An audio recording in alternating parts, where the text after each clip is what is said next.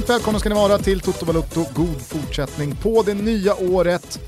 Det är 2020 och ett nytt decennium i kalendern. Hur fan mår du Tompa? Jo, jo bra, jag sitter och hostar och på säga. Jag har inte pratat på så jävla länge. Du tar nyårslöftet på allvar du? Jag tar nyårslöftet på allvar och börjar röka röda prins istället. Nej, men... Eh... Jag tror du skulle säga att du börjar röka Pepsi. ja, det ska jag inte göra. Nej men det har varit en jävla eh, superstart på det nya året i och med att Kulusevski har blivit klar för, klar för Juventus och eh, Zlatan Ibrahimovic är klar för Milan, de är presenterade och eh, det här har ju då gjort eh, någonting med mig jobbmässigt eftersom eh, ja, det blir en massa jobb för mig som jobbar med internationell fotboll eh, och eh, det har gett mig en jävla energiboost måste jag säga också. Kul, eh, kul för Calcion att få två stycken liksom, stora svenska nyheter och inleda året med det också, det är jävligt kul. Ja, alltså framförallt eh, med tanke på hur många gånger man kokar soppa på spik i det här landet i då fotbollsbevakningen rent medialt. Alltså, oh, det snackas om att John Guidetti eventuellt ska komma att bli utlånad från Alaves mm. till eh, något annat Segunda-lag eller oj oj oj, nu börjar det röra på sig för eh Emil Kraft. Mm. Ja, men Jordan Larsson ska till, till Ryssland. Ja. Det är ju jättekul och bra mm. för honom och för hans utveckling men liksom den här digniteten av klubbar som är intresserade av svenska landslagsspelare, alltså nu har vi Quaison i Mainz, eh, vi har eh, Emil Forsberg, vi har Alexander Isak som dessutom är ung, vi har Dejan Kulusevski som är, är, ung eh, och sen så Zlatan då som en liten körsbär på tårtan mm. på allt det här som gör att liksom intresset, du pratar om det mediala intresset, men jag tror hela fotbollsvärlden pratar ju och har ju pratat de senaste dagarna om eh, Kulusevski och Zlatan, för de, det var liksom de två stora nyförvärven som de två stora, två av de stora klubbarna i Italien eh, liksom började hela Mercaton med. Ja, sen så kommer ju de här spelarna från helt olika planeter rent namnmässigt vad gäller att vara ett etablerat eh, namn i, i stora mm. fotbollsvärlden. Men jag tror inte man ska underskatta att om Juventus slänger upp 400 miljoner för en spelare, då blir ju det en spelare som en hel fotbollsvärld, måste i alla fall förhålla sig till ja. Eh, världsdel som Europa, mm. givetvis då måste förhålla sig till. Verkligen. Jag skulle bara säga det, jag hade ett annat exempel på lager där, det, när jag har liksom bubblat kring att Abbe Khalili eventuellt ska vända tillbaka till Hammarby och allsvenskan, eller vända tillbaka, men att han ska komma då tillbaka till, till mm. Sverige. Men, äh, alltså, Hur går det för Baffo? Josef? Ja. Eh, var väl i Tyskland, mm. är väl i Tyskland. Typ andra, tredje Exakt, kan till och med vara dritte. Där skulle det kunna hända någonting nu under januari. ja, jo, jo. Ja. Visst är det så. Nej, men, men det gör ju också, det här, de här nyförvärven och liksom att det pratas om liksom spelare till klubbar, svenska spelare till så här stora klubbar och har gjort det under längre tid och det kommer säkert snackas om Alexander Isak framöver och Emil Forsberg, han ska väl fan byta klubb från Leipzig snart. Nej, jag, men alltså, det, det, det, jag ska bara säga, det gör skulle... ju någonting också med liksom, Jordan Larsson till Ryssland. Ja. Med, eh, med, kanske inte så mycket med Josef Baffo, men, men eh, liksom de spelarna som ligger i skiktet under att, att man liksom intresserar sig för det också, alltså det skapar ju ett totalt intresse som blir större. Ja. Jo, men sen så kan man ju aldrig heller komma förbi vad det är för klubbar som spelare går till. Du, du nämner ju här eh, Robin Quaison i Mainz. Mm. Alltså det är jättehäftigt det som har hänt med Quaison, inte minst det han har uträttat i landslaget. Och för några veckor sedan så gjorde han hattrick i Bundesliga och så vidare. Men så länge han spelar i Mainz så kommer han ju spela i Mainz. Det kommer mm. aldrig vara samma sak. Ja, det, som det, Juventus mm. eller Vigge i Manchester United eller när Emil Forsberg spelar i Champions League. För det är bara då det egentligen är riktigt, riktigt hett. Alltså Leipzig i en ligalunksmatch i Bundesliga mot eh, Paderborn. Mm. Det, det, kommer ja, man, liksom om, aldrig vara det kommer aldrig vara Juventus eller Manchester United eller Barca eller när eh, Ljungberg spelar i Arsenal. Nej, eller... Men ändå, är, det är ju så här, från det att Janne Andersson tog över landslaget och det skulle bli någon slags eh, föryngringsprocess. Eh, jag kommer ihåg att man kollade på liksom, eller man, man spekulerade kring framtiden om det svenska landslaget så hade man inte speciellt stora kortsiktiga förhoppningar och sen så vet ju alla vad som har hänt. Men, men eh, alltså, där och då så fanns det inte speciellt många svenska glädjeämnen och därför fokuserade man väldigt mycket på Zlatan också. Alltså om man kollar på den kurvan från det att Janne Andersson, inte på grund av, men, men det var ju något slags nystart för svensk fotboll generellt sett tycker jag alltså man kollar på den kurvan och de klubbar som det kommer att pratas om vad det gäller Quaison, det kommer ju vara bättre klubbar låt säga tyska klubbar, men kanske Bayer Leverkusen eller fan vet jag. Eh, och kollar man på Emil Forsberg, Leipzig, ja okej nu är det en klubb i toppen av tyska ligan, men det, det är storklubbar som kommer vara intresserade av honom liksom, när, han, när han ska gå nästa gång. Alexander Isak, fortsätter han att utvecklas så som han har utvecklats under den här tiden i eh, Real Sociedad, ja men då kommer han också nämnas i större klubbar. Så när, när kurvan liksom på svenska spelare, unga spelare framförallt, liksom, eh, och, och, och, gå till eh, större klubbar, den, den pekar spikrakt uppåt. Och jag tror, precis som man pratar om det, det svenska tennisundret eh, som någonstans startades med Björn Borg. Och det fick vi se liksom ett resultat av, så fick vi se ett friidrottsunder. Och jag, jag tror att, eh, det, att det går, går så här bra för så många svenska landslagsspelare, det tror jag också kommer skapa liksom ytterligare intresse och ännu fler unga fotbollsspelare som liksom vill satsa och göra någonting med sina karriärer. Två spelare jag tycker man ska nämna här också som i sitt nästa klubbval absolut kommer ta ytterligare ett steg också. Det är ju Augustinsson, Ludvig ja. och Kristoffer eh, Olsson. Ja. Som, eh, jag menar både på klubblag och mm. landslagshåll nog inte är mycket mindre än ett år bort från att ta ytterligare ett kliv. Eh, det var ju väldigt tråkigt att Viktor Claesson åkte på den knäskada han gjorde. Det talar väl för att han kommer vara kvar i Krasnodar ett bra mm. tag till. Men fortsätter Kristoffer Olsson som på inslagen väg både i klubb och i landslag, mm. då, kan jag, då kan jag se liksom mer västerländska europeiska storklubbar öppna plånboken redan i sommar där jag också. Tror också att det här, det här visar, säg, behöver inte vara jätteunga spelare, men 16, 17, 18-åriga svenska fotbollsspelare visar också att det är möjligt. Jag tror att man öppnar lite dörrar och jag, vet att det funkar så att liksom när det kommer en generation fotbollsspelare från ett land, ja men då börjar scouter från stora ligorna att, eh, att titta lite extra på då, eh, svenska spelare. Det spiller liksom över Eh, så att man scoutar dem mer och då kanske det skapas större möjligheter liksom för, för, för svenskar att komma ut. Så att eh, det, det, det, ser ju onekligen jävligt ljust ut.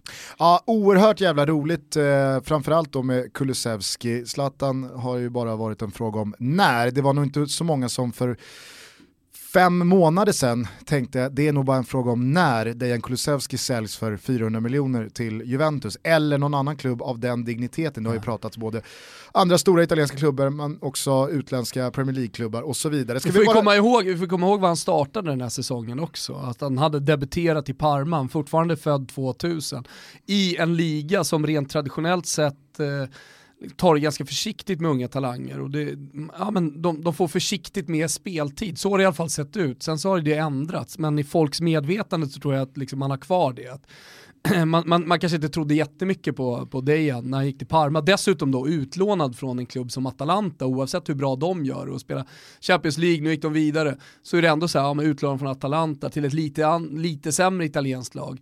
Det gör ju någonting med eh, förväntningarna såklart från alla också. Sen så att han har gjort den succén och blivit, ja men han har ju blivit höstens unga spelare i hela den italienska fotbollen. Jag menar när en sån sak händer i ett fotbollstokigt land med 70 miljoner invånare, ja, men då, då smäller det och då smäller det över hela, hela Europa och hela världen. Mm. Vi kan väl bara ta några liksom, så här, hårda basic-fakta, för det här är ju en väldigt ung karriär, det är en väldigt ung spelare som många säkerligen bara har sett eh, några glimtar av, kanske något mål man har gjort och sådär.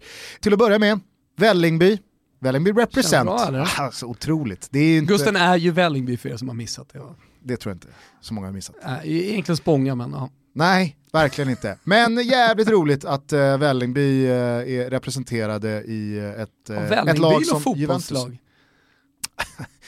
fanns ju ett, ett sorgligt Vällingby AIF en gång, Vajfen. Alltså, AIF, har, har något AIF-lag slagit någon gång inom fotbollen? Mjällby. Ja, det skulle vara det då. Mm. Johan Orenius Motala AIF. Ja, de, går, de har gått lite, går det fortsatt trögt för. Ja. Nej men Mjällby heter väl AIF, mm. Motala. Ja, ja. Tufft för AIF-lagen. Ja, är det fan om inte Vällingby heter AIK, alltså Viken. Alltså vet så kassa, så, så, så obskyra som Vällingbys ja. förening var där var det ju då, alltså så här, det här är ju För alla som inte är från Stockholm så är liksom Bromma väster, västerort i Stockholm, det är liksom Bromma och så fortsätter man utåt så, så har du eh, Vällingby, Hässelby framförallt. Jag kan säga så här, hjärtat av Brommapojkarna, alltså, mm. Grimsta, IP, mm. det är ju Vällingby. Exakt. Bromma, det är något annat. Men skitsamma. Eh, jo, det, men det hänger ihop alltihopa. Det är ju liksom en, den jävla vägen ut till Hässelby. Ja. Allt är ju bara liksom ett kluster runt den här äckliga vägen som man ska hålla på och åka. Ja, vi, vi behöver inte fastna där. Nej. Hur som helst, eh, i, i, i, är man från Vällingby så finns det två lag. Mm. Det fanns eh, BP och så fanns det Spånga.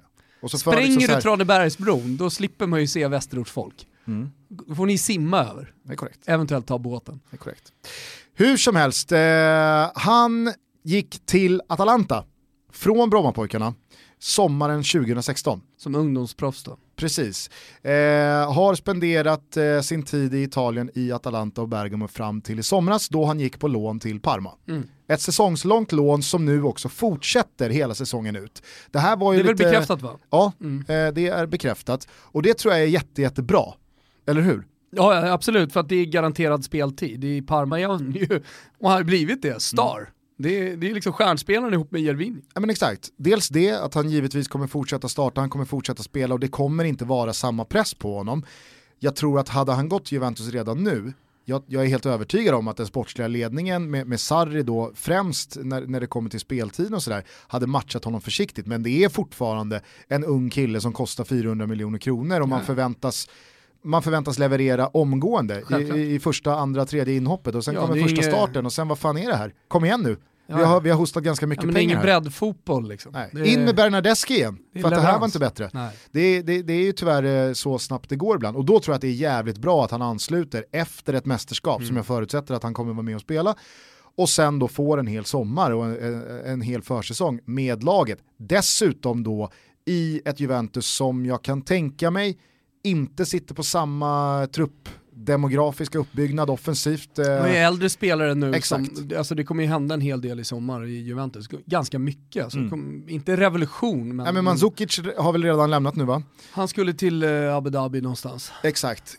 Iguain går väl knappast in Inte i säsongen till, 2021 eh, som en spelare som ska vara en referenspunkt i Juventus offensiv. Ronaldo har ju såklart en säsong till i sig Nej. och Dybala lär bli kvar. Men med det sagt, alltså Bernardeschi är ju ingen spelare som jag tror skrämmer eh, jättemycket på lång sikt. Nej. Douglas Costa, pikat. Mm. Eller? Känslan är det. Han har ju så jävla kraft och han är så snabb så man tänker alltid i hans bra stunder att han borde vara en världsspelare, han mm. borde vara bättre, han borde göra större skillnad, men han får inte ut det. Jag tror inte speciellt många Juventini går in heller i nästa säsong och tror att Quadrado ska vara någon Nej. att bygga en offensiv kring. Så, Nu har de förlängt hans kontrakt men han, han är en joker. Han har också han... kunnat spela en del wingback. Och... Exakt det jag skulle säga, han har spelat på olika positioner och det, där har man ju hamnat nu i spekulationerna kring Dejan Kulusevski. Liksom, vem konkurrerar han egentligen med? Och då skulle han ju på ett sätt då kunna konkurrera på ett tremanna mittfält med typ Emre Can. Han skulle kunna konkurrera som du säger med eh, Bernardeschi i ett 4-3-2-1 eller liksom någon liknande uppställning. Han skulle kunna konkurrera med Dybala, jag tror inte att det kommer bli så, men ändå. Eh, så att det beror ju på lite liksom, match och vil, vilka de möter. Men jag tror att så här, alla spekulationer kring vem, jag, jag, har sett att det varit en het potatis och jag har varit med i, i olika eh, sammanhang här nu, med, ja, men Expressen TV och sånt där, där, där jag ombett spekulera kring exakt vilka spelare han ska ko konkurrera med. Jag har sett att du har gjort en del eh, italiensk eh, press. Ja, för fan, Radio Sportiva, det är väl den största radio, radiostationen. De ringer Tompa Wilbur när de vill veta mer. Bråkade med Ciccio Graziani, den gamla demontränaren, gjorde jag i, i, i morse faktiskt. Eh, om, om Zlatan och liksom vad vi ska ha för förväntningar på honom. Han tyckte ju att vi skulle tona ner förväntningarna för 38 år medan jag menade på att han var en jakthund i kroppen och fortfarande 25. Och han höll på liksom att yra om knäskadan och, och så här. Ja, alla vet ju att det, det inte är en 25-årig Zlatan som kommer. Men eh, många av de mål menar jag på, som han gjorde i MLS kommer han göra även i Italien. Nej, för helvete sa Ciccio Graziani. Det kommer han inte alls göra. Eh, för att eh, i Italien så är vi mycket bättre på att försvara. Och ja, ja, och, och, alltså, så här, och jag, jag hör ju vad du säger, för det är också så, en del mål, ganska många mål av de han gjorde i USA kommer han ju såklart inte göra i Serie A. Självklart. Men en del, ja. ganska många kommer ja. han ju göra där också. Ja. Eh, men eh, tillbaka till Kulusevski då, vad, vad, vad ser du honom som för spelare främst då? Jag ser honom där han spelar i Parma, jag ser honom offensivt ute till höger där han får komma in och använda sin vänsterfot. Sen skulle han kunna användas ute på vänsterkanten såklart också. Jag menar, har du en bra vänsterdoja då kan du spela på vänsterkanten. Men eh, jag menar, eftersom han är ett offensivt hot framförallt så tycker jag ändå att han passar mycket bättre att komma in med vänsterfoten. Eh, det gäller ju alla spelare egentligen som spelar eh, högt upp på en kant. Eh, nu för det kolla på Hazard, liksom, ja, han spelar till vänster, kommer in och skjuter med högerfoten. Du kan egentligen ta ah, Shakiri, väl vem du vill så, så är det ju liksom de positionerna man gillar. Men jag tror att på sikt så skulle Robben. det vara... Ja, men på sikt så skulle jag vilja se honom i en framskjuten eh, mittfältsroll nästan. Mm. Alltså bakom anfallet. Jag, jag, är helt övertygad om att han skulle kunna spela där. Han är ju väldigt lik, för de som inte har sett honom, han är ju väldigt lik egentligen Emil Forsberg i sitt spelsätt. Bara att han har den andra foten då som sin bästa. Eh, så, ja, i, menar, alla fall, I alla fall i en riktning, skulle jag säga. Ja, han, tar, han, han, är ju ganska olik Emil Forsberg i den defensiva riktningen. Alltså det, det, han det, jobbar ju stenhårt. Ja, jag, jag har sett honom live i en match där, Fiorentina-Parma som jag var nere och såg. Då gjorde han ju sin sämsta match för hela säsongen, men just det defensiva jobbet, alltså han, han, han, han är ju som person har man ju förstått nu när han har gjort massa intervjuer så är han ju väldigt så här, jordnära, fötterna på jorden, liksom, eh, läser bibeln och eh, jobba hårt och liksom allt det där man vill ha av en ung professionell fotbollsspelare, du ska inte sväva iväg. Än så länge. Vill man ha bibelläsningen i bussen till match? Alltså jag tror, när vill man det? Alltså så här, i paketet Dejan Kulusevski I Italien är, är det ju ett skott som, i krysset. Jo, men i, i paketet just Dejan Kulusevski så vill du även ha bibelläsningen i bussen för att, för att han är så lågmäld och han är så fokuserad och, och koncentrerad på uppgiften och dedikerad arbetet. Det är det jag jag gillar med honom. Liksom, säger tränaren ta jobbet, då tar han jobbet. Det är inget snack. Jo men alltså Peter Wettergren, han börjar ju skruva på sig när han slår liksom ett getöga över axeln och ser en av sina spelare sitta och läsa bibeln i bussen på väg till arenan. Det är helt säker på. Bra. Jag tycker att det är bra. Viska till Janne, vad fan alltså, är det bibeln han sitter och läser? Är det det som funkar för dig så är det det som funkar. Det är bättre det än att han liksom på Douglas Costa-vis går ut och krökar. Är du med? Det är det som är skillnaden. Ja, men det är lätt, det, alltså, det finns bara ett sätt att, att, att, lyckas på oavsett vad man håller på med och det är att jobba hårt. Och speciellt i de här åren där man ska göra karriär så att säga. Och det, det är där en, en fotbollsspelare som Dejan, 20 bast, är. Det är nu han ska liksom sätta liksom sin karriär någonstans. Funkar det i Juve, ja, men då kommer det bli den typen av klubbar. Då kommer det vara den nivån som man spelar för på, på, på framöver. På tal om Wettergren och Janne här då, tror du att deras eh, syn på användningen av honom från och med nu fram till och med EM blir annorlunda för att han är klar för Juventus för 400 miljoner? Nej, det vet vi om Janne han gör ingen skillnad på sånt. Nej, jag menar bara att så här, det kan ha fått en skjuts i att så här, fan, det är, det är nog Dejan vi ska spela här. Det, ja, Jo, för alltså, att han har det, vadå? Alltså, han har Janne är människa, han, han, han har en kvart 20 mot Färöarna hittills. Ja, ja, nej men det är klart att Janne har järnkoll och jag, jag menar han är också människa, han påverkas av allting som händer, han läser det som händer med Dejan, han följer det, han pratar säkert med honom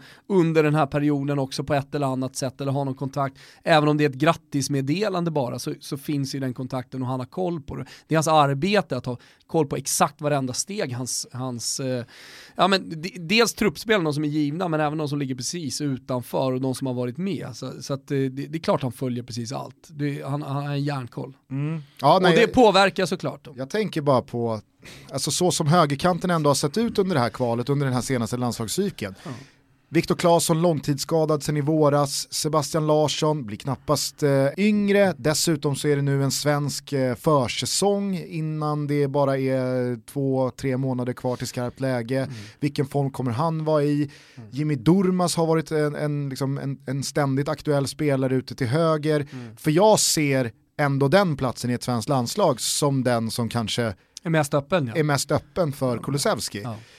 Och då så känns det som att med det här skjutset, med det här lyftet rent aktiemässigt, så känns det som att, jag tror i alla fall, att Kulusevski kommer starta till höger om allt liksom går som planerat fysiskt. Ja, inga skador, ja. eh, I den enda samlingen vi har innan EM. Ja, jag kan inte säga något annat heller. Exakt, och då får man ju ändå anta att det har blivit ett, ett ja, men en jävla skjuts i liksom mm. landslagsaktien. Mm. Med det sagt då, bara ur ett eh, liksom, historiskt perspektiv, eh, du som har eh, stenkollen, vad, är, vad är rimligt att liksom förvänta sig att Juventus tror att de har köpt här? jag tror att de, de förväntar sig att de har köpt den absolut bästa offensiva talangen som finns inom italiensk fotboll. Och då, då, då, då... Är det lite Dybala-läge mm. när de tog honom från oh, Palermo? Var han, nu, nu, då var ju han mer etablerad, han hade spelat längre i, i Serie A. Så, så att, eh, men, men om vi glömmer bort åldern så är vi, så är vi nog ungefär samma läge. Fast vadå, hur gammal var Dybala då? Jag vet inte. När Samparini plomberade honom och satte ja. honom på läktaren i fyra jo, månader för att han inte skulle bli... Alltså, det var väl 2015? Jo men alltså Dejan är 19, han var definitivt inte 19 väl? Nej men Dybala är väl inte mycket äldre Nej. än 94? Kan han vara det?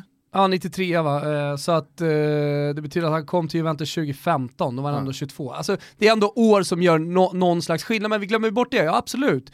Men det jag tycker är mest intressant som perspektiv att ha, det är ju alla andra offensiva talanger som finns inom italiensk fotboll som Juventus förmodligen inte kommer köpa. Ta Federico Chiesa som har varit, ja, men dessutom då italienare, men uppburen, redan intagen till det italienska landslaget av Mancini. Nu har han tillsammans med hela Fiorentina haft en ganska svag höst.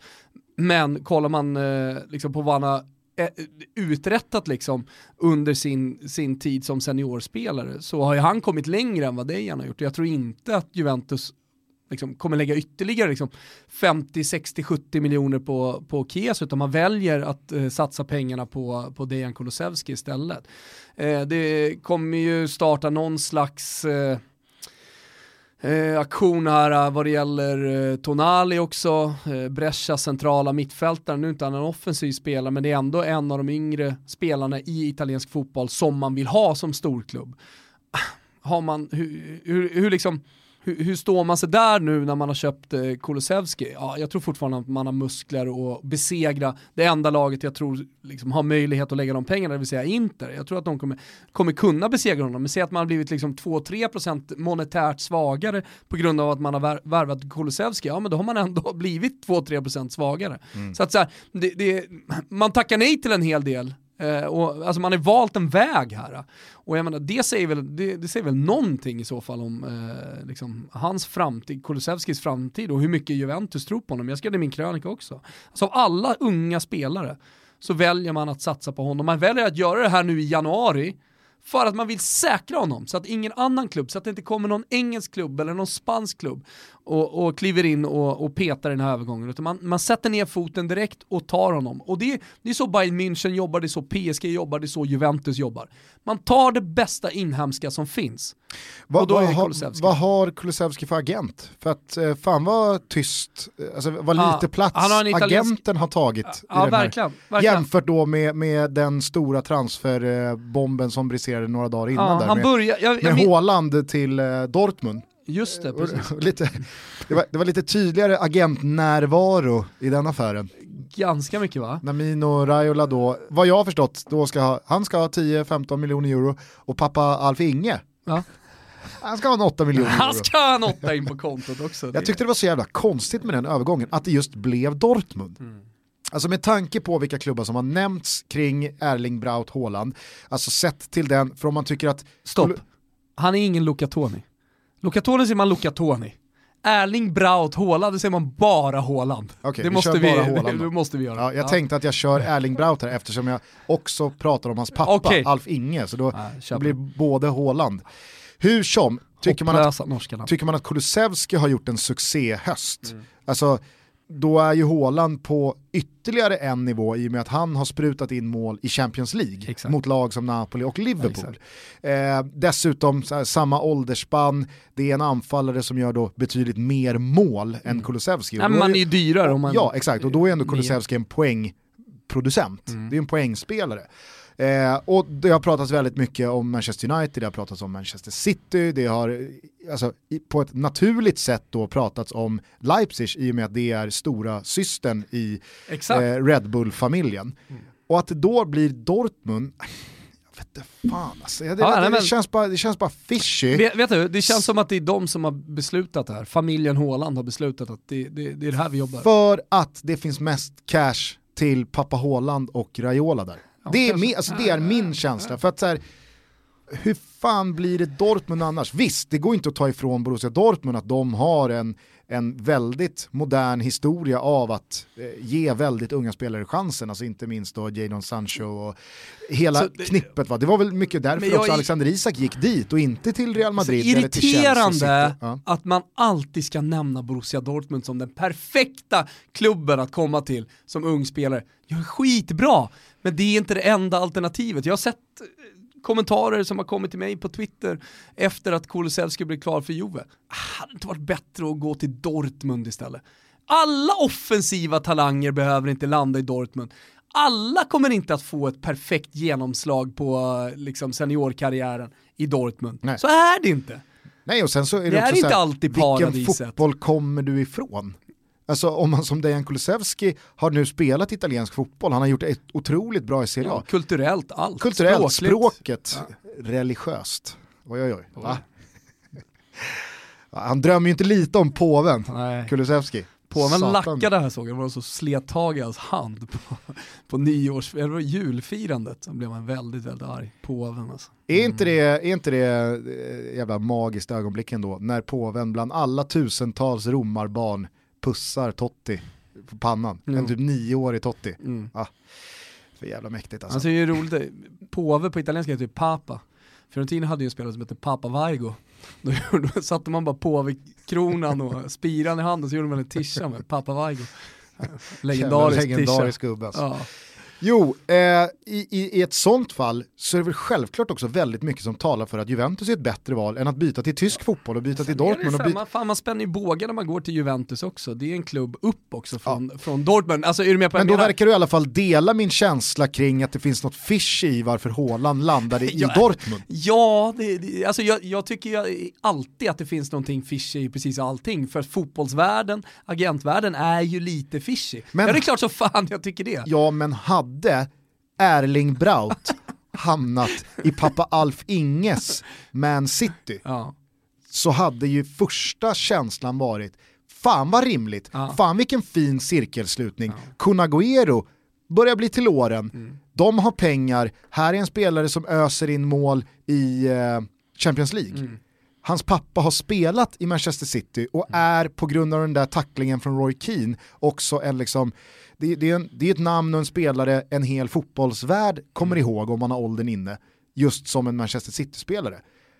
Här, med tanke då på att eh, Salzburgs stora systerklubb är en direkt konkurrent mm. till Borussia Dortmund om Champions League-platser och i förlängningen eventuellt även Bundesliga-titlar i Tyskland så är det skevt redan där. Mm. Nej, jag vet fan.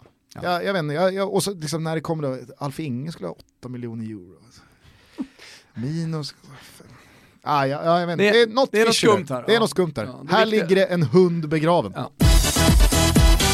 Det är nytt år, således har vi gjort ny plats i Toto-båten för våra vänner på Randstad, Thomas. Mm, det har vi gjort. Lägg det på minnet redan direkt här. Randstad pratar vi om och det handlar om jobb, Gusten. Precis, för det är där jag tycker vi ska börja. Vi vill att alla ska tänka som söker ett jobb, som vill eh, få till en förändring i sitt arbetsliv, som undrar vart kan mitt yrkesliv ta vägen någonstans, mm. ska direkt tänka Randstad. Randstad. Jag kollar med Randstad. Randstad. Just nu till exempel, idag, så erbjuder Randstad 347 olika jobb. Och Randstads grej är att hjälpa dig att hitta rätt på arbetsmarknaden. Ja, och då, då sitter folk och tänker så här, ja men det finns ju många rekryteringsbyråer och hit och dit så här. Jo, men Randstad är störst i Sverige inom bemanning och rekrytering. Ja men då är ju dit man vill gå ju, eller hur Gustav? Det är dit man vill söka sig. Och de hjälper till oavsett om man saknar arbetslivserfarenhet eller om man har kommit superlångt i karriären och vill ta ytterligare ett litet, litet kliv. Jag tycker att alla borde spana in eh, lediga jobb på randstad.se eller registrera sitt CV där och till att börja med initialt ta sig in i Randstadvärmen mm. för att ha dem med sig. Och jag vill bara säga det innan vi avslutar augusti, att det är alltså allt från industri och lager till chefsjobb inom ekonomi och IT. Välkommen ner i tuttobåten Randstad. Stort varmt välkommen. Hur som då, ska vi byta fokus till Zlatan. Jag lyssnade till min flickvän och hennes kompis stora, stora förtret under bilresan upp och ner eh, till Härjedalen. Eh, på vårt avsnitt med Niva mm. och eh, When We Were Kings avsnittet med Arsenals Invincible-lag. Ah, okay. mm. äh, alltså, deras förtret, PGA, de, eh, de gillar inte riktigt Nivas röst. Okay. Och hans dialekt. Det blir liksom så här. Vad fan, ni var ju på väg uppåt. Jag vet, ja. men det, det hade ju här, kunnat varit eh, exotiskt lite grann. I deras, i, i deras öron så var det för många timmar. De hör med... ju inte Nivas briljans eftersom de inte är så fotbollsintresserade. Exakt. Eh, men då lyssnade jag på vårt avsnitt, eh, vårt nyårssummerande avsnitt här igår. För att vi spelade in det den 13 december, vi pratade en hel del Zlatan, vi utgick också från att han då skulle vara klar för Milan, vilket han också blev typ samma dag.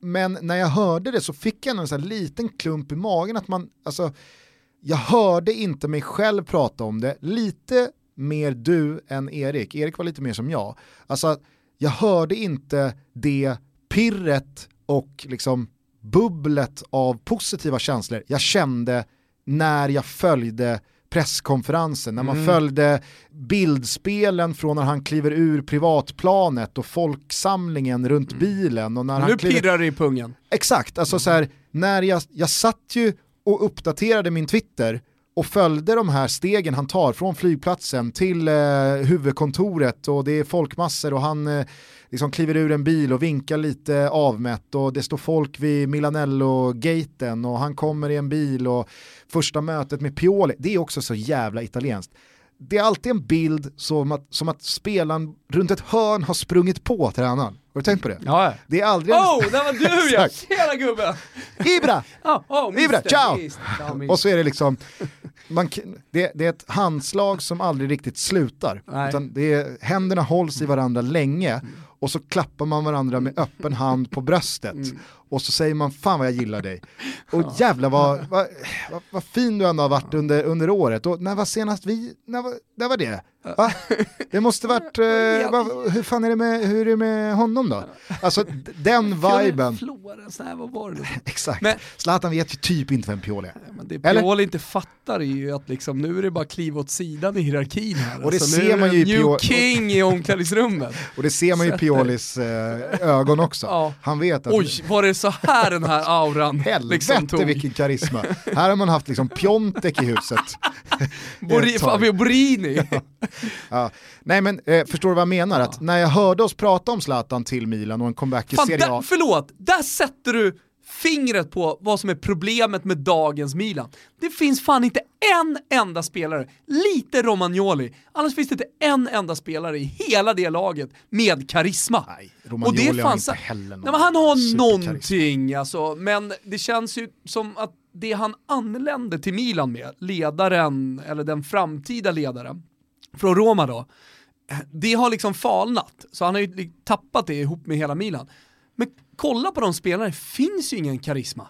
Nej, nej, nej, herregud. Och det, alltså så här, och det har väl varit det är väldigt... könlöst. Ja, och det har väl varit väldigt då talande för det otroliga förfall Milan har gjort utan att det egentligen har märkt så jävla mycket på planen. Förstår du vad jag mm. menar? Ja, ja. Alltså, man hade ju aldrig kunnat se ett Milan med, självklart är det ett kvalitetstapp, men ett Milan med spelare som Gattuso eller eh, Ambrosini eller, eh, ja men du, du, fattar vart jag vill komma ja, med de typerna av spelare. Där, där Milan framförallt är ihågkommet under Berlusconi-eran som ett lag med karisma. Ja. Nej, men, och pondus över till försäljning. Det laget hade ju, alltså så här, där, där, hade man ju velat se Milan varje vecka, mest för att se spelarna ryta ifrån, mm. Eh, fullständigt tappare efter mm. förluster. Och... Ja, och Milans problem är ju att de har försökt köpa den karisman med coacher som man har satt in då, typ som Gennaro Gattuso. Men bra, då får vi in den karisman. Då kan han liksom smitta av sig på spelargruppen. Men det har inte funkat. Han har inte lyckats förmedla grinta eh, och, och, och pondus till spelarna. Så det är en stor uppgift då för, för, för Zlatan att komma in i den där truppen och gjuta lite jävla mod i och ska, återskapa den där pondusen som laget en gång hade. Mm. Är de här spelarna redo för det? Det undrar man ju. Verkligen. Nej, men, och jag, jag, tycker faktiskt att uh, Jennifer Wegerup skrev om det bra här i, i mellandagarna. Jag läste mm. någon text när hon, ja, men när hon uh, resonerade kring vilken typ av Zlatan som Milan behöver. Mm. Alltså, de, de, behöver ju verkligen en ledare som vill vara där och, och vet att nu är det jag som bär det yttersta ansvaret. Mm. Följ efter mig för att jag ska gå någonstans. Och förhoppningsvis, jag, jag tror att det var så hon resonerade, så väljer också Zlatan glädjen i den här utmaningen. Mm. För att om Zlatan, som han har kunnat gjort tidigare, MLS, när det går liksom, emot, ja. att då köra taggarna utåt mm. och eh, det, det, det, köra över journalister och mm. visa med kroppsspråk på plan eller med någon röd eh, armbåge. Men det är det som är skillnaden nu, det är att han kommer hem. Och, och då, då, kan man ju tycka att det är lite klyschigt om man pratar hela tiden om att ah, han kommer hem till Milan. Men rent kulturellt så kommer han ju faktiskt hem. Mm. Det är Italien som liksom hans person väldigt mycket, hans liksom, vuxna Zlatan har fostrats och, och blivit den spelaren han är. Han har inget agg jämt emot landet, han har, han har ingen ilska mot liksom resten av ligan, så som man kunde se ändå lite i PSG. Mm. När han kom till Premier League, ja men då skulle han visa för alla att han minsann eh, liksom kunde leverera även där eftersom det hade varit så mycket snack inför hans flytt till Manchester United om att ja men you can't do it in Premier League och sådär. Alltså nu, nu finns ingenting av det. Så det, det den känslan jag har fått av Zlatan och det, det lilla man har hört på presskonferensen, men det, det, man ändå förstår det är att det är harmoni i honom. Alltså det, mm. det är en, den första harmoniska Zlatan sen eh, senaste vändan i, i Milan egentligen. Men sen så ska han ju också finna sig i att han ska spela i ett lag ja. som ett, mm. inte är speciellt konkurrenskraftigt. Alltså Milan kommer inte, hur jävla bra Zlatan än är där mm. halvåret, så kommer inte Milan ge sig av nu på ett segertåg på 15 matcher, ta 45 poäng och storma mot en Champions League-plats. Nej, det kommer inte ske. Så han måste ju finna sig att okej, okay, nu spelar jag ja, i ett lag som eh, mm. kommer förlora matcher, som kommer slåss för att hålla sig på den övre halvan. Alltså ja. det är ju på den nivån. Men, men, men två, och det mm. tror jag är en viktig aspekt också, det är att han faktiskt gör det i ett lag han har varit i tidigare. Det här är Milan. Mm. Alltså det kan ju också bli en krock. Många av de här spelarna i dagens Milan har inte en jävla aning om hur det var att spela eller hur det är att spela i Milan som slåss om scudetton, som spelar mm. Champions League. Där du tittar åt höger och du har en världsspelare, du tittar åt vänster och har en världsspelare. Alltså spelarna i Milan idag, det är, det, det är ju men, spelare men det är. Som, som drömmer om en fjärde plats. Mm, men det, det, är också därför jag, jag menar lite på att eh, den här presskonferensen han gör, för, de första orden han säger, om man ska läsa av dem lite, lite mer, liksom, vad, vad betyder det, vad, vad, är det han säger här egentligen? Vad har sagts bakom kulisserna? Vad har han, Bobban och Paolo Maldini pratat om egentligen? Jo, migliorare la situazione, det är det han pratar om. Det, det, är liksom mer eller mindre det enda han säger. Jag vill gå ut och ha kul på planen, ja individuellt. Och om jag, alltså när jag har kul, då levererar jag. Ja, och sen säger han att han ska förbättra situationen. Och, så att jag menar, han, han går inte in och lovar någonting och jag tror inte han tror på det heller själv. Utan om han bara kan förbättra den här situationen så det blir lite mer positivt och få San Siro att drömma igen, han säger få hoppa igen. Det tror jag är liksom så good enough för den här eh, våren. Mm. Och så, så kan man ta liksom, omtag i sommar. Där jag tror att han kan hjälpa liksom, Maldini och Bobban till att skapa en mer slagkraftig trupp så att de liksom 20 2020-2021, eh, den säsongen då kan eh, ja, göra någonting betydligt större. Det jag i alla fall då verkligen ville understryka var att jag hörde i vårt samtal med Erik för tre veckor sedan, en, en knapp månad sedan, så hörde jag inte det liksom, glädjepirret jag kände när det väl blev dags. Nej. För då var det återigen Zlatan i en kontext som bara är förknippad med entusiasm och man känner en pepp jo, men jag på tror det. Att, jag tror att du och många andra eh, var påverkade, Niva också. De flesta egentligen var påverkade av det spekulativa kring Zlatan hela tiden och det som har hänt i höst. Alltså man har pratat om Zlatan så jävla lite eh, om, om fotbollsspelaren snarare om allting runt omkring.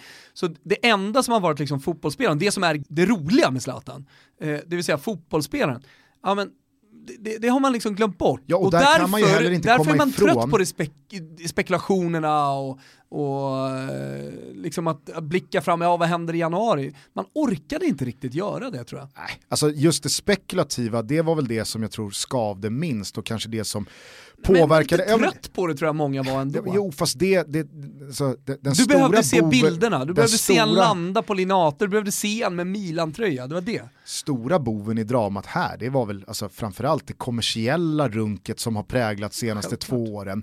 Eh, utspelen mot Janne här under hösten, hela, eh, he, hela soppan med statyn och bajen och Exakt. avkapade näsan. Och, sen har inte Zlatan varit speciellt stor del av den diskussionen, han har ju knappt Nej, uttalat sig om det. Eh, men det har varit väldigt mycket Zlatan i en annan tråkig kontext. Mm. Hela Janne-historien, jättetråkig under hösten. Men jag skulle säga det, jag tror inte heller man får glömma bort att säga vad man vill om att han har spelat fotboll och han har gjort det jävligt bra på ett individuellt plan i LA Galaxy. Men MLS kommer aldrig vara, för mig och alla andra tror jag, det kommer aldrig vara Serie A med Inter, Milan eller Juventus. Det kommer inte Nej. vara Premier League med Manchester United. Det var ju till och med så att man egentligen i ärlighetens namn inte tyckte det var speciellt kul att följa Zlatan många gånger när han spelade i PSG. Nej. För att det var liksom ligalunksmatcher mot Lans. Ja. Alltså det, det, gör ju inte så jävla mycket Det var lite MLS-feeling, jag håller helt med. Man kollade för att man ville se Zlatan. Precis, och där tror jag också att det är så här, han har ändå varit i, i USA i två år. Mm att det, det gör ju såklart sitt också. Mm, man. Att man har glömt bort mm. det där jävla roliga och mäktiga. För att för mig gör det, det absolut ingenting nu. att han åker och spelar och vinner med 4-2 mot Houston Rockets eller eh, Portland Timbers eller vad fan nej. det nu är. Det, det, känns ju bara, det känns ju bara liksom, när man ser det så är det ju, vad är det här? Mm. så var det verkligen. alltså, det är ju det sämsta man har sett. Ja men det är ju det. Ja. För det blir så, det är så en jävla kontrast mellan de bra spelarna och de sämre spelarna. Mm. Alltså du har, du har allsvenska spelare och sen så har du några, några av världens bästa men liksom ändå spelare på den nivån. Det är också någonting med kommentatorerna ja. och liksom studion, att ja. de, de, pratar om Ljuset. det. De, de pratar om det på ett sätt, de använder, nu, nu använder de ju väldigt mycket annorlunda ord inom amerikansk idrott än vad man gör i, i liksom engelskspråkig europeisk idrott, inte minst då fotboll. Men man får ändå känslan av att så här, fan, de, har ingen koll på vad de snackar om. De har ingen aning. Zlatan Ibrahimovic. När han lallas, inte ens när han, han spelar fotboll hela livet, han är ju fan hur kunnig som helst. Inte ens när han surrar. Öppnar den jävla truten och amerikanska, amerikanskan kommer ut. Stänger av, eller stänger so av. So good on the ball. så, så där säger man inte. Nej, eh, så att eh, jag, jag vill bara landa i att jag trodde det var dött och begravet. Ja. Men Zlatan-peppen är här igen. Ja. Och det känns så jävla fett att man om några timmar ska få se honom spela Serie A-fotboll mm. på San Siro i svartrödrandig Milan-tröja. Hur kan, hur kan Zlatan, Bobban, Pioli, hur kan de hålla honom borta från den matchen? Man måste ju presentera honom för San Siro. Oh. Jag kan liksom inte se det på något annat sätt än att, än att han gör sin debut redan mot Sampdoria. Hur eh, tror du Albin eh, känner kring en eventuell start från Zlatan? Hur menar du? Nej, men, alltså, känner inte, alltså, om, om, om man frågar Albin så föredrar han väl ändå att Zlatan håller på debuten en omgång till. Varför då? Jag, jag tror snarare tvärtom, det är väl kul. De möts ju inte så här jätte, jo det gör de, de möts rätt mycket eftersom Albin är så defensiv som han ändå är. Och så är väl ändå känslan att skulle de, skulle de mötas på en defensiv hörna för. Samp, mm. då trycker ju Zlatan till. bara sjunger om det eller? Ja, kanske, kanske. Vi får se status på Albin också, jag vet inte om han, om han eventuellt var lite småskadad. Framförallt så tänkte jag ju i termer att Milan kommer ju lyftas av det här. Något så inåt helvete. Ja, ja, ja. Och då blir ju liksom uppgiften betydligt ja, tuffare för Sampdoria. Ja. Ja, så att frågar man Albin så är det klart att han, ah, kanske han ska spara på debuten en vecka.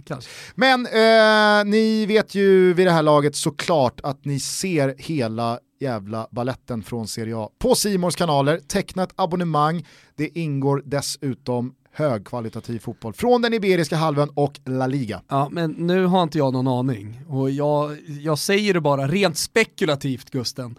Eh, det skulle ju nog kunna bli så att de ramar in den här matchen, Milan-Sampdoria, även om de inte har någon aning om Zlatan spelar eller inte, med någonting mer än bara kommentatorer.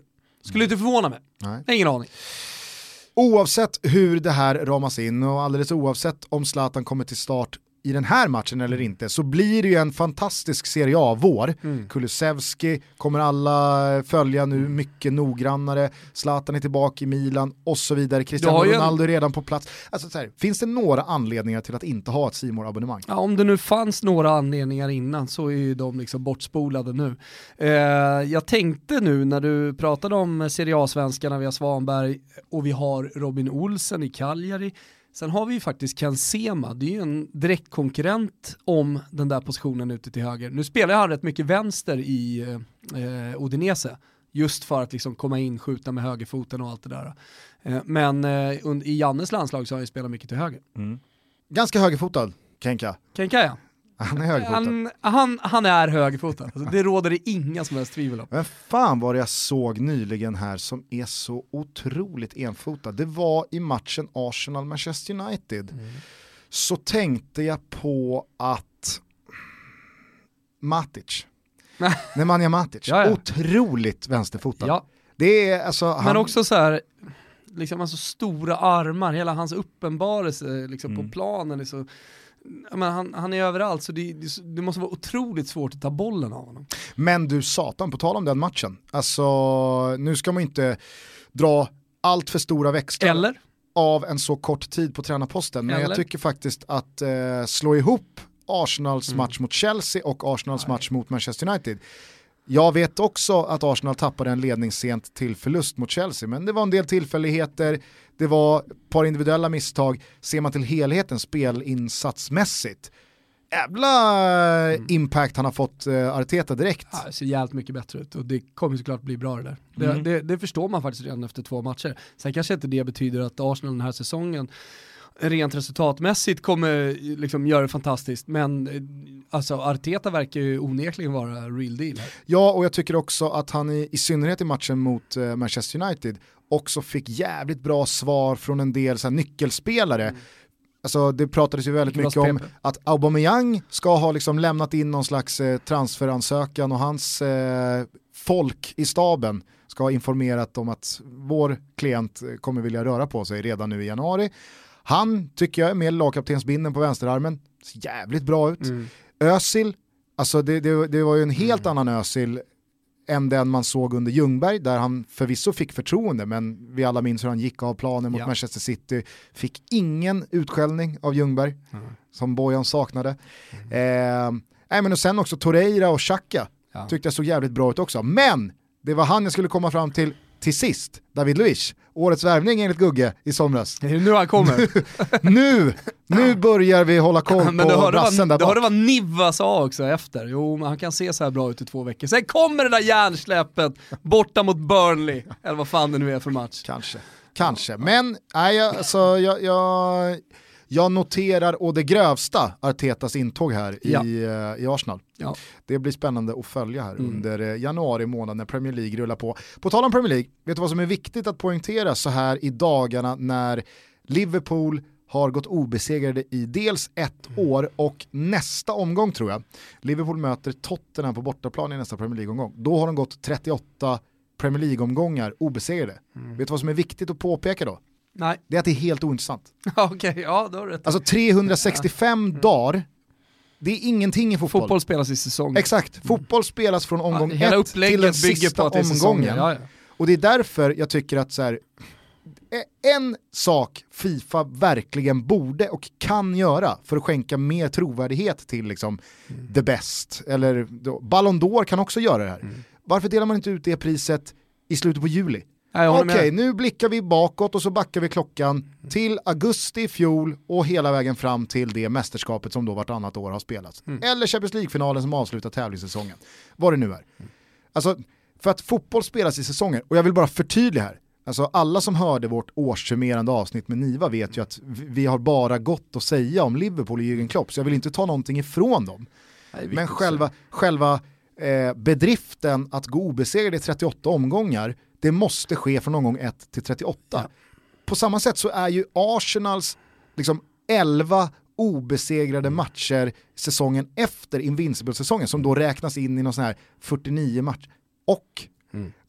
kan, man, det, kan man inte som... nöja sig med att man har gått obesegrad i en säsong? Nej, Varför ska man fortsätter det resonemanget, det? Eh, någonting som faktiskt jag tror kommer att vara viktigt för Liverpool. Eh, alltså ju längre den här säsongen liksom lider och ju fler matcher de radar upp obesegrade, det är ju faktiskt att, att göra att upprepa det Arsenal gjorde 0 Det tror jag också. Alltså det kommer vara en motivation för dem. Jag, vet inte, jag tror inte att det är det nu. Jag tror inte att det är det liksom i kommande match. Då är det fokus på det.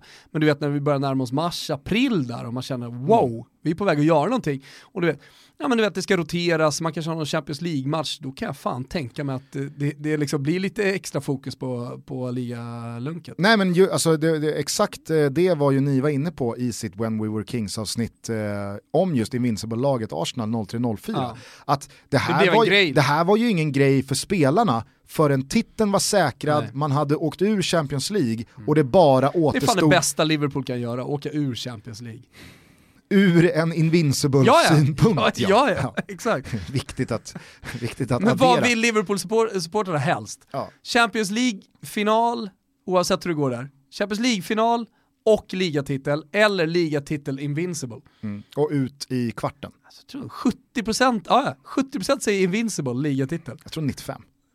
Nej, men, alltså, vad, hur, hur Liverpool-supportrarna reagerar på ja. detta. Nej, men då, då, då nämner just Niva exakt det här, att det är först i de tre sista omgångarna, när titeln är säkrad, som spelarna i Arsenal börjar fatta att så här, vänta, fan, vi, kan, vi kan fan gå obesegrade hela säsongen.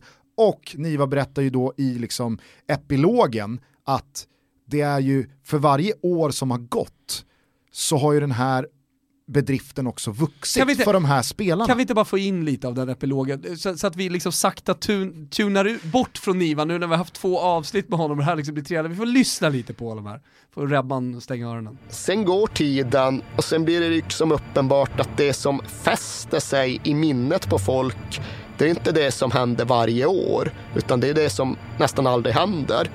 För någon vinner ligan vartenda år. Det har delats ut 15 Premier League-bucklor sedan Arsenal lyfte den här. Men det är ju inget annat lag sedan 1800-talet, om vi nu ens ska räkna Preston, som har gått igenom en engelsk högsta, säsong, högsta divisionssäsong obesegrade. Och det är det som gör att allt blir så starkt och så beständigt och så mytologiserat. Att detta Arsenal gjorde något som inga andra har gjort. Och vi får se hur länge det står sig. Premier League-bjässarna blir starkare och starkare och numera förlorar inte Jürgen Klopps Liverpool en enda match. Så det är möjligt att det upprepas redan våren 2020. Blir det inte då så kanske det blir någon annan gång. Men fram till den punkten att någon annan lyckas göra det, då tror jag verkligen att myten om Arsenal 2003-2004 bara kommer växa och växa och växa. Ja men ändå härligt, så nu går vi vidare. Ja, nej men du förstår vad jag menar, att, ja, alltså, det är ju verkligen som Niva säger, att det har inte gjorts innan. Nej. Och det har inte gjorts sedan dess. Och för varje år som det så förblir så blir den här bedriften fetare och fetare. Mm. Alltså den där startelvan och de där spelarna, alltså kolla, kolla på en spelare som Ray Parler eller mm. Lauren eller Jens Lehmann, alltså det är ju spelare som egentligen vid det här laget mm är bortglömda. Mm. Vi har gått vidare. Det har runnit så jävla många vattenspelare under den där bron att, liksom så här, vadå Lauren? Mm. Eller vadå Gilberto Silva? Mm. Men bara på grund av den här Invincible-säsongen. Så du, du kan ju rabbla den där startelvan. Mm. Och du, du, du ser dem fortfarande dyka upp i tv-studios och de är, de, är, de är relevanta för att just de lyckades med en bedrift som ingen annan har gjort i den där ligan som är, säga vad man vill om Juventus eller Hasse Backes Öster 89 eller de andra få lagen som har gjort det. Premier League är ju någonting annat. Så jag tror verkligen att Liverpool gör det. Men, precis på samma sätt som att vi tror att Liverpool kan lyckas med det, precis på samma sätt som vi verkligen tar av oss mössan, tar den i handen och vördnadsfullt basunerar ut att Liverpool är världens bästa lag. På samma sätt så understryker vi här i Toto Balotto att det är, det är ingenting att ha gått obesegrade i 38 ligomgångar om det inte är under en och samma säsong. Det betyder säsong. absolut ingenting. Nej, det är bara en siffra. Det är bara en siffra. Det är bara en siffra. Så att eh, det, här blir nog Totos första eventuella gulasch. Mm. Alltså, det kan delas ut en gulasch till de som gör en stor grej av det här. Ja. Får vi se om Så det blir en gulasch. Ja, får vi se om det blir det eller inte. Hörru du, nu eh, piper jag till Thailand. Jaha, mm. fan vad sjukt alltså. Mm. Bara sådär. Eh, vet du vad jag ska göra? Jag ska in och, jag ska in och grotta runt och jag tror också gotta mig lite kring oddsen här nu. Zlatan har kommit till Milan, gå in på Betsson, godbitar, boostade odds, gå in på Betsson och kika liksom de här specialerna. Det gillar man ju. Mm. Över under 9,5 mål eller vad man nu har satt linan på. Gör det ni också! Fanns lite Kulusevski-specialer också? Fanns lite Kulusevski-specialer också, så det är bara att gå in och, och, och mysa runt va, se om ni hittar någonting som ni tycker är intressant. Gör det hörni, ha en fortsatt trevlig eh, måndag i januari. Det är tufft nu. Det är tungt nu. Ja. Nu är det liksom inte mycket julfester. Säger snubben som piper till Thailand. ja men... Okej, okay, ta det du då, som lever Hörrni, jobbigt liv här vi hemma. Som, vi som spelar SD-cupen och, och lämnar barn och, och liksom får ta det här, eh, ta det här mörkret, fan blicka framåt, nu har vi kul! Eller hur? Fotbollen fan glöder igen känner jag. Det är inte bara Champions League och Premier League, liksom så här, oh, allsvenskan långt bort och så vidare. Fan nu händer det någonting i Italien också, fan vi har svenska fotbollsspelare överallt. Mm. Alexander Isak, Foppen, Augustinsson, fan vad det går bra liksom. Vi, vi inleder det här decenniet med en liksom, mer intressant svensk ung fotbollssamling av grabbar som fan kan erövra världen och vinna EM! Hur peppad är du på januariturnén då? Januari vad fan, ska vi möta Moldavien och Kosovo skulle vi göra? Jag har inte ens, eh, jag har inte ens satt mig in Karlström, han eh, tackade nej. Han hade något jävla kontrakt på gång. Eller, alltså det vore ju jävligt roligt om Jesper Karlström bara, Moldavien. Nej. ja precis, inga med kontrakt eller någonting. Ja exakt, han ska ingenstans. Janne. Kommer, kommer jag ändå aldrig komma med i någon ja, annan riktig landslagstrupp. I'm gonna sit this one out. Nej, men, så, ja, kul vinter blir det. Eh, och sen så blir det en jävla härlig vår när vi står inför EM. Vi ska göra EM-podd, Tutski mm. Balutski, som vi gjorde senast. Vi ska ut på turné, ni som inte har köpt biljetter, det finns några fåtal kvar runt om i landet där. Vi ska ja, gå det... på Champions League åttondelsfinaler i februari och så ska vi till San Sebastian, mm. kolla Alexander Isak. Mm. Fan, mycket att se fram emot känner ja, jag. Otroligt. Jag känner inte mörkret alls. Jag skulle inte vilja åka till Thailand. Jag piper hem hörru. Hälsa Rönninge. Ja, jag ska göra. Bra. Ciao tutti. Ciao tutti.